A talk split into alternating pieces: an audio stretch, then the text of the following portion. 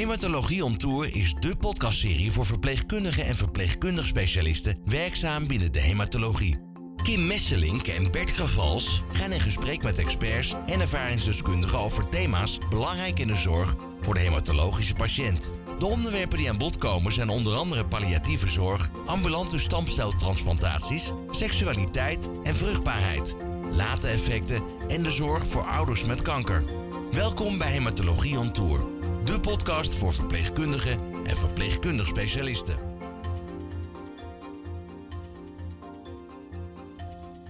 Hi Kim, Hoi Bert. we zijn vandaag in jouw Radboud IMC. We gaan op bezoek bij je collega's van de Laterpoli. Zou je Shahira en Annette kunnen voorstellen? Ja, we zitten hier samen met Shahira Vazel, verpleegkundig specialist hematologie op de Laterpoli en Annette Bongaerts, verpleegkundig consulent op de Laterpoli. Nou, welkom bij onze podcast. Ik eh, had als eerste eigenlijk de vraag, hoe is de Laterpoli ontstaan? En dan misschien als eerste aan Annette. Vanuit de kinderoncologie hebben we levenslang deden wij de kinderen vervolgen op late effecten. En daar hebben we ook heel veel van geleerd. Want we merkten gewoon, 40 jaar geleden was het flink behandelen als je maar beter werd. Maar door de late vervolgen eh, hebben we dus geleerd hoe kan je zo goed mogelijk behandelen met zo min mogelijk bijwerkingen. En nu vervolgen wij die kinderen nog steeds. En van hieruit is ons expertisecentrum ook verder opgebouwd. Jullie zijn begonnen met de kinderoncologie.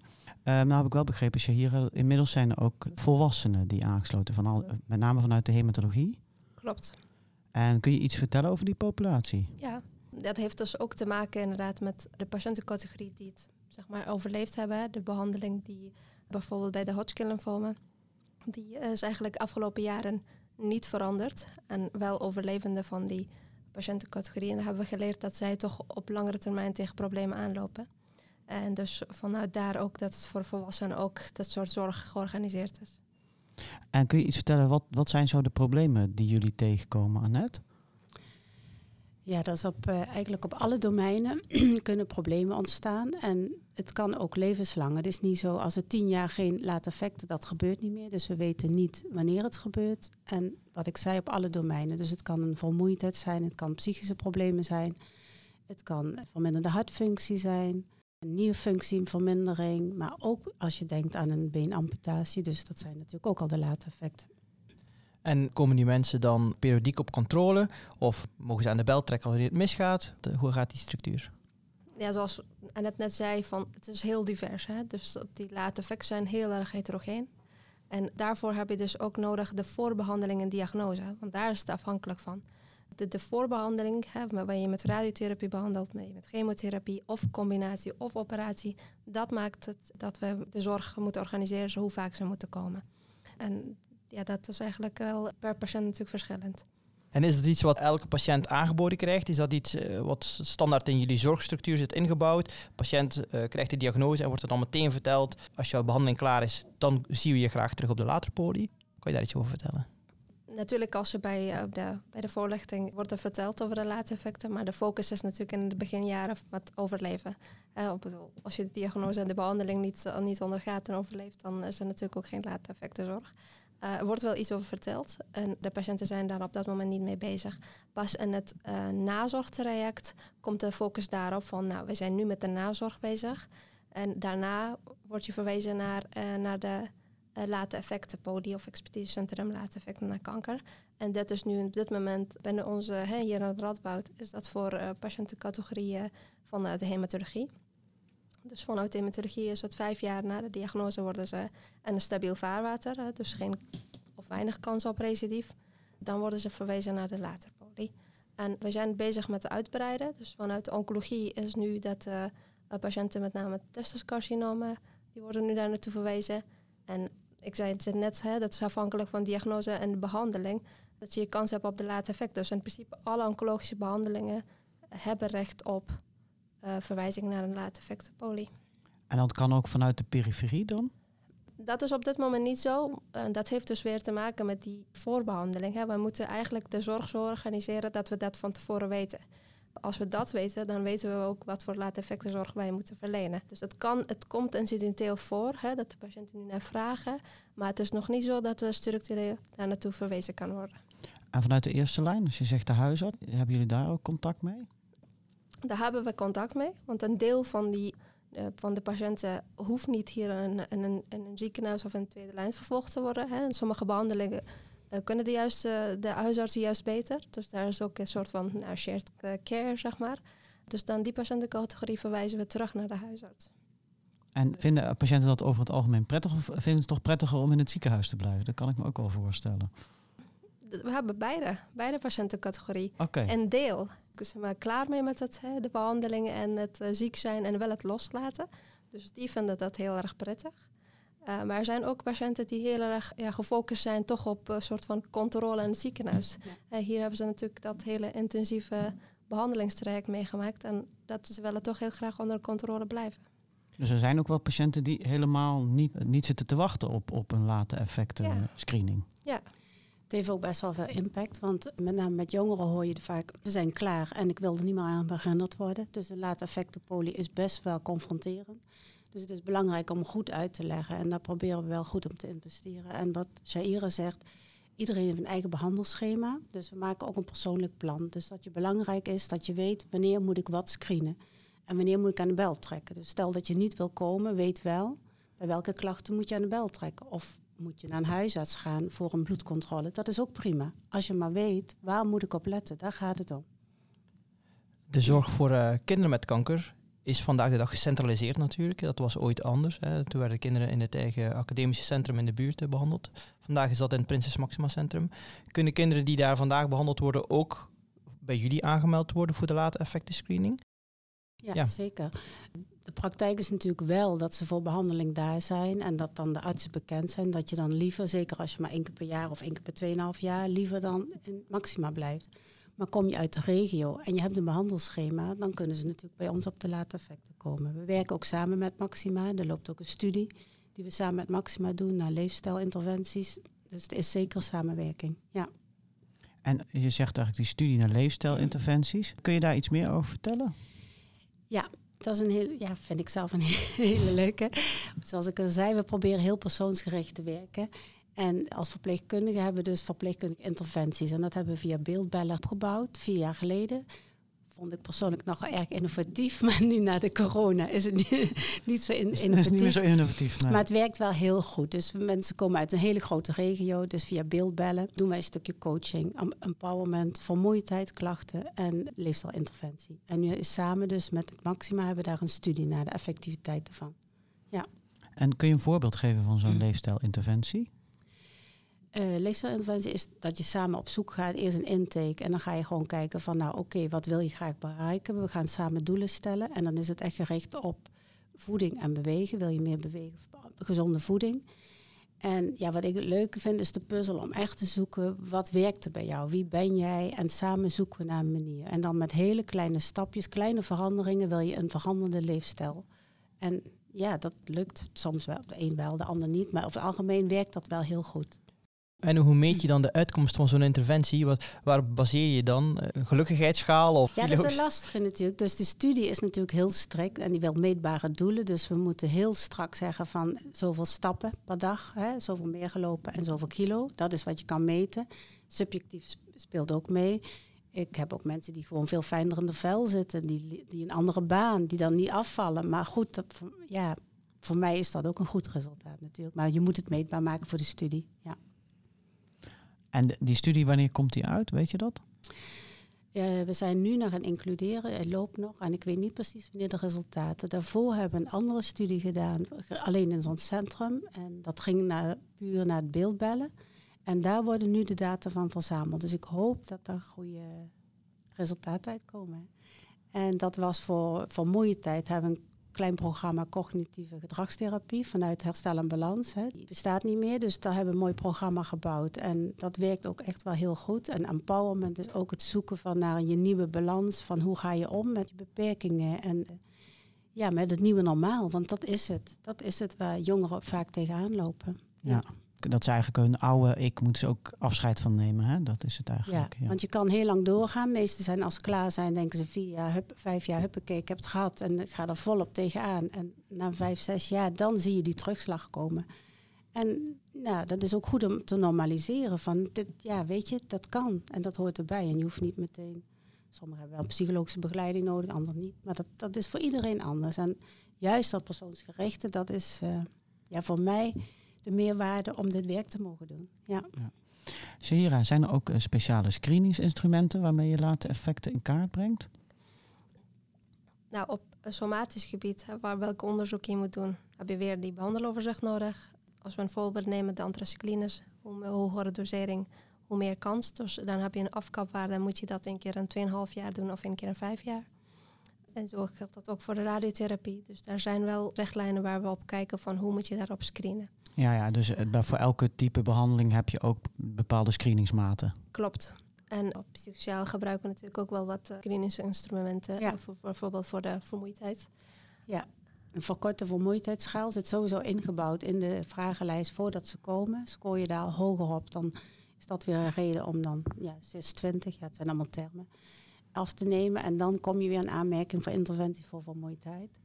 Uh, depressieschaal nemen we af. Als we denken, zit er een depressie, dus dat is de HATS. Dus zo hebben we wel verschillende lijsten, die we, vragenlijsten die we in kunnen zetten ik hoor heel duidelijk dat jullie uh, heel goed communiceren met elkaar heel goed samenwerken. Uh, Shahida, je bent verpleegkundig specialist en Annette, je bent verpleegkundig consulent. Kun je het verschil in rol eventjes uitleggen? Ja, wij vangen de patiënt eigenlijk samen op. Hè. Met name verpleegkundigen die als patiënten als eerste zien de patiënt. En ik doe dan eigenlijk het consult, waar het inderdaad op zomaar, en, al die levensdomeinen uh, doorgenomen moet worden. Dus ik doe in principe de controles. En daarna, als daaruit komt, als er interventies nodig is, dan gaan we af, samen afstemmen. Dat spreken we wel in een MDO, want wij zijn inderdaad een team die het, die patiënt zien, maar we hebben ook een expertteam. Zowel een medisch expertteam als een psychosociale expertteam. Dus daar bespreken we eigenlijk welke laten effecten komt tijdens zo'n consult, zo'n afspraak naar voren en welke zorg moeten we dan op dat moment uh, bieden. Dus dat bespreken we in onze team. Ja, want het uitgangspunt is altijd, wat heb jij nodig? Dat is gewoon belangrijk en daar kijken we naar met de richtlijnen. Maar het is wel belangrijk, uh, nou ja goed, heb je je verhaal kwijtgekund? Is dit wat het uh, brengt? En kan je hiermee verder? Want als mensen maar om de 2,5 of om de 5 jaar komen, is het wel belangrijk om ja, dat goed in kaart te brengen volgens mij ook een overkoepelend thema van het Radboud ziekenhuis, als ik me niet vergis, hè? die persoonsgerichte zorg. Ja. Ja, ja. En het mooie is dat we, omdat we nieuw gingen starten hier, heeft, uh, Jacqueline Lonen, de kinderoncoloog, heeft dus dit opgestart vanuit een model van de persoonsgerichte zorg. En ja, ik, voor mij is het gewoon meerwaarde om op deze manier te mogen werken. Wat ik al, al zei, na 42 jaar ben ik nog steeds blij om het op deze manier te mogen doen. Dus het geeft ook heel veel voldoening en je hoort het ook van de patiënten terug patiënten, survivors, dat is ook een heel discussiepunt. Ja, Hoe moeten ze noemen? dat is ook een hele moeilijke naam, maar uit enquêtes blijkt onder de patiëntengroep uh, dat survivor dan het beste woord is. Maar goed, uh, iedereen die een betere naam heeft, laat het graag weten. Ja. En wat ik me nog afvroeg, Shahira, als mensen die nu als verpleegkundige op een afdeling werken, wat moeten zij weten over late effecten? Moeten ze daar al voorlichting geven, al voordat de behandeling start? Of hoe zie jij de rol van een verpleegkundige op een afdeling? Dat was eigenlijk een hele uh, lastige. Kijk, het moet benoemd worden. Maar je moet, ja, patiënten moeten de behandeling ondergaan. En daar zijn we natuurlijk op de achtergrond steeds naar het kijken met mooie inzichten. Hoe kunnen we die behandelingen zo verbeteren dat er zo, min, ja, zo min mogelijk late effecten zijn. Maar goed, zover zijn we niet bij alle diagnoses. Ja, de patiënten moeten het wel overleven. Uh, dus je moet het inderdaad benoemen in jouw educatie, in jouw voorlichting. Nou, hè, uh, mm. Dat er late effecten ontstaan, die moet je zeker benoemen. Dus dat is eigenlijk wel een rol van een verpleegkundige. Uh, maar hoe het daarna verder gaat, dat kan ook niet, want dat weten we ook niet. Bij wie ontstaat wel late effecten, bij wie niet, want dan ontstaat niet bij iedereen.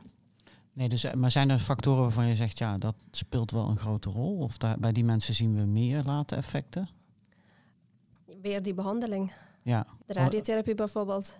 de, uh, als je vrouwen onder bepaalde leeftijd hebben, onder de 40 jaar, radiotherapie krijgen op borstgebied, uh, hebben ze meer kans op de tweede soort tumoren, met name dus de mammacarcinomen. Ja, dat is denk ik wel heel belangrijk om dat wel ergens benoemd te hebben. Dat, ja. dat vrouwen daar ook alert op zijn. Ja, ja. Ja, ja. dus ik hoop ook, want die discussie is ook als we lesgeven bij verpleegkundigen, van wat kan je hiermee? Want op dat moment is de patiënt bezig met beter worden, moet je over die late effecten beginnen. Ik denk dat het wel belangrijk is dat er een ketenzorg komt, dat er nazorg is, wat Jaira ook al zei, en dat dan bekend is van hierna gaat het over late effectenzorg. Dat het wel al genoemd wordt, maar dat het niet echt inzoomen is op die late effecten tijdens die behandeling. Want ja, wat moet je? Je hebt geen keus. Je moet die behandeling, denk ik. Ja. Nee, dat was, ook, dat was ook een van de belangrijkste factoren wat je nu noemt. Dus inderdaad, er zijn verschillende fases. Hè. Je hebt de tijd, je hebt de behandeling, die moet je overleven. En dan heb je de nazorg, waar inderdaad de focus ook legt op inderdaad de ziekte, de controle van de ziekte en het beter worden van, van het hele ziektetraject. En echt daarna pas begint de late effectenzorg. Dus dat, er, uh, dat, dat is ook een heel andere zorg. Want we noemen dat ook eigenlijk op, op de poli van ZZ-zorg naar GG-zorg. En dat staat dus voor uh, van het ziekteproces en de zorg uh, gaan naar het gedrag en gezondheid. Van, Ah ja, ja, dat is een duidelijk verschil. Hè? Dat, dat is andere gerichte, andere, daar, dat is andere echt, focus. Ja. ja, dat merk ik zelf ook wel. Die voorbeeld wordt vaker ook door uh, Jacqueline Lonenet uh, benoemd. Dat, uh, hoe, hoe zij die zorg zeg maar, heeft ja, opgericht. Maar ik merk daar zelf ook in, in, de dagelijkse werkwijze. Ik heb ook al hè, andere polies. Dus ik doe niet alleen de late effectenzorg, maar ook inderdaad aan de voorbehandeling. Daar heb ik ook polies. En dat vraagt ook echt een andere denkwijze van de behandelaar of degene die inderdaad die op dat, van de professional op dat moment. Uh, je, moet op de late effectgebied moet je inderdaad heel anders het, uh, het constant vormgeven. Het gaat erom van, nou, wat kan de patiënt uh, of de survivor? het blijft lastig inderdaad. En, en, ja, wat hebben ze nodig? En wat kunnen wij als behandelaar nog daaraan toevoegen of bieden? Ja, je hoort ook wel terug van ze dat de switch van dat, die ziekte weer naar de gezond persoon is echt een lastige switch. Wat jij ook zei, je nieuwe ik bevinden. En dat hele proces dat speelt. En dat is gewoon mooi om daar een, stukje mee te mogen lopen. En hoe lang blijven jullie uh, survivors zien dan? Is dat uh, de rest van je leven, bij de rest van je leven survivor? Of is er ook een einddatum? Het is in principe levenslang, want je weet niet wanneer die... Kijk, het is niet zoals tien jaar geen hartafwijking is, dat dat niet meer komt. Dus het is levenslang. Het is natuurlijk wel een eigen keuze. Als je zegt van ik ben er klaar mee, ik wil er niet naartoe, dan prima. Maar um, het is wel te adviseren om het te vervolgen. Ja. Ja, want ik kan me ook goed voorstellen dat patiënten denken, nou ben ik er klaar mee en uh, nou kom ja, ik Ja, dat snap terug. ik ook. En die, die, hebben we ook. En dan zien ze toch, zien we weer, als er klachten zijn, trekken ze toch aan de bel. En dat is prima. Inderdaad, en ze kunnen dat zelf ook doen. Vanuit de, ze hoeven niet eerst nog langs een specialist om bij jullie aangemeld te worden. Nou, als ze een tijdje niet hier zijn geweest, dan moeten we natuurlijk wel uh, opnieuw... Dan moeten we wel via een specialist. Ja, dan moet wel opnieuw een verwijzing komen. Je kunt, uh, ja, we hebben het nog niet zo geregeld dat je zomaar een afspraak kan maken. Ja. Is dat wel een wens die jullie zouden willen, als je het hebt over persoonsgericht? Mensen die bekend zijn en die dan bijvoorbeeld vijf jaar niet of zes jaar niet, die kunnen wel, die kunnen wel vanuit komen. de kinderen, die kunnen wel komen. Maar de eerste keer heb je een verwijzing nodig. En, en wat zijn zo de meest gehoorde klachten? Ik, ik, neem, ik hoor jullie al eerder al vermoeidheid zeggen. Zijn, zijn er nog andere late effecten waar je dan zegt, die zien wij eigenlijk het meest? Tweede tumoren na bestraling, wat jij zei, huidtumoren, borstkanker. Ik kan me voorstellen dat het vooral ook psychosociaal is. Hè? Mensen die worstelen met, ik, heb, ik ben ooit ziek geweest, bang dat het terugkomt, dat soort zaken. Ja, of het gaat heel lang goed, tien jaar goed, of je wordt zelf moeder of vader en uh, je krijgt zelf kinderen. Er hoeft maar iets getriggerd te worden, waardoor alles weer boven komt. Dat horen we ook vaak, ja. Ja, dan kom je weer op dat verschillende levensterreinen, dus die voorbehandeling maakt. Dat, kijk, die psychosociale zorg, die psychosociale aspecten, dat komt eigenlijk wel bij iedereen wel naar voren. Hè? Het kan zijn inderdaad de, de angst voor een terugkeer van de ziekte. Terwijl dat in de eerste vijf jaar anders is dan op, op die late effecten. Dat, dat is ook wel, kijk, op, het gaat wel een beetje op de achtergrond, maar de angst voor inderdaad de tweede tumoren, daar hebben ze ooit in het verleden gehoord. Dat komt eigenlijk meer op de voorgrond of voorlichting die ze toen gehad hebben. Dat is dan op die late effecten, dat soort angsten komen eigenlijk meer naar voren. Nou, die vermoeidheid, dat is iets wat dan als dat de eerste vijf jaar na de behandeling is, dat dat eigenlijk het voortzet. Dus inderdaad, dat zien we ook heel vaak. Dus dat is niet zo dat er een nieuwe vermoeidheidsklacht is of zo. Maar dat is iets dat dat dan wordt, uh, komt uit de, de, de behandeling aan de zitsector. Ja. Ja, en oh ja, op de lichamelijke gebied, dat is dan weer afhankelijk van als je, wat ik zei, anticyclines hebt gehad, dan heb je meer kans op die hartfalen. Ja. En die vermoeidheid, want wat, wat kunnen we daar, of wat kun je daaraan doen, Annette? Want is, Ja. het, is het dan een kwestie van accepteren of kunnen ze ook nog iets eh, ondernemen? Ja, vermoeidheid is een lastige, maar het is belangrijk om medische oorzaken uit te sluiten. Dus Ira moet eerst hart, als er een hartecho is, zijn bloed moet goed, is de schildklier goed, is de hartecho goed. Dus dat is heel belangrijk. En dan kan het uh, in een interventieprogramma. En wat je ziet bij vermoeidheid die lang bestaat, dus dat je een standhoudende factoren hebt. Dat mensen iets, iets aangewend hebben, bijvoorbeeld smiddags naar bed of uh, lang uitslapen, juist weinig bewegen. En dat kan met het programmaatje, dat is een heel kort programma van herstel en balans, kan dat doorbroken worden. En dat is heel simpel. En mensen denken het is heel simpel, maar op een manier werkt het wel, want je doorbreekt iets. En je geeft toch, ja, je luistert naar die vermoeidheid, die is er, maar het lichaam went eraan. En dat zijn een standhoudende factoren die je dus kan aanpakken. En dat is ook je eerste interventie, dat je kijkt uh, welke factoren houdt in stand? Ja, precies. Want is het angst voor recidief? Dat speelt veel meer de eerste jaren. Maar wat wij zien is heel erg uh, weinig bewegen en elke middag naar bed. En jonge meiden die gewoon echt dat nodig hebben, dat slaapje. Maar het lichaam went eraan. En dat is te doorbreken. En dat is, ja, dat is echt superleuk als het dan werkt. Dat is echt... Uh... Ik vind het toch hoopvol om uh, te horen dat vermoeidheidsklachten door een behandeling zelfs jaren later toch nog aangepakt kunnen worden. Dat mensen niet het idee hebben van ja, ik zit hier voor de rest van mijn leven aan af. En dat het toch nut heeft als patiënt om je aan te melden bij de later poli als je nog ergens last van hebt. Ja, en het, is natuurlijk niet zo dat ik altijd alles op kunnen lossen, maar een aantal gevallen waarin je ziet dat het een standhoudende factor is. En door meer te gaan bewegen, dus energieker te worden en dan uh, dagritme goed te houden, halen we resultaat.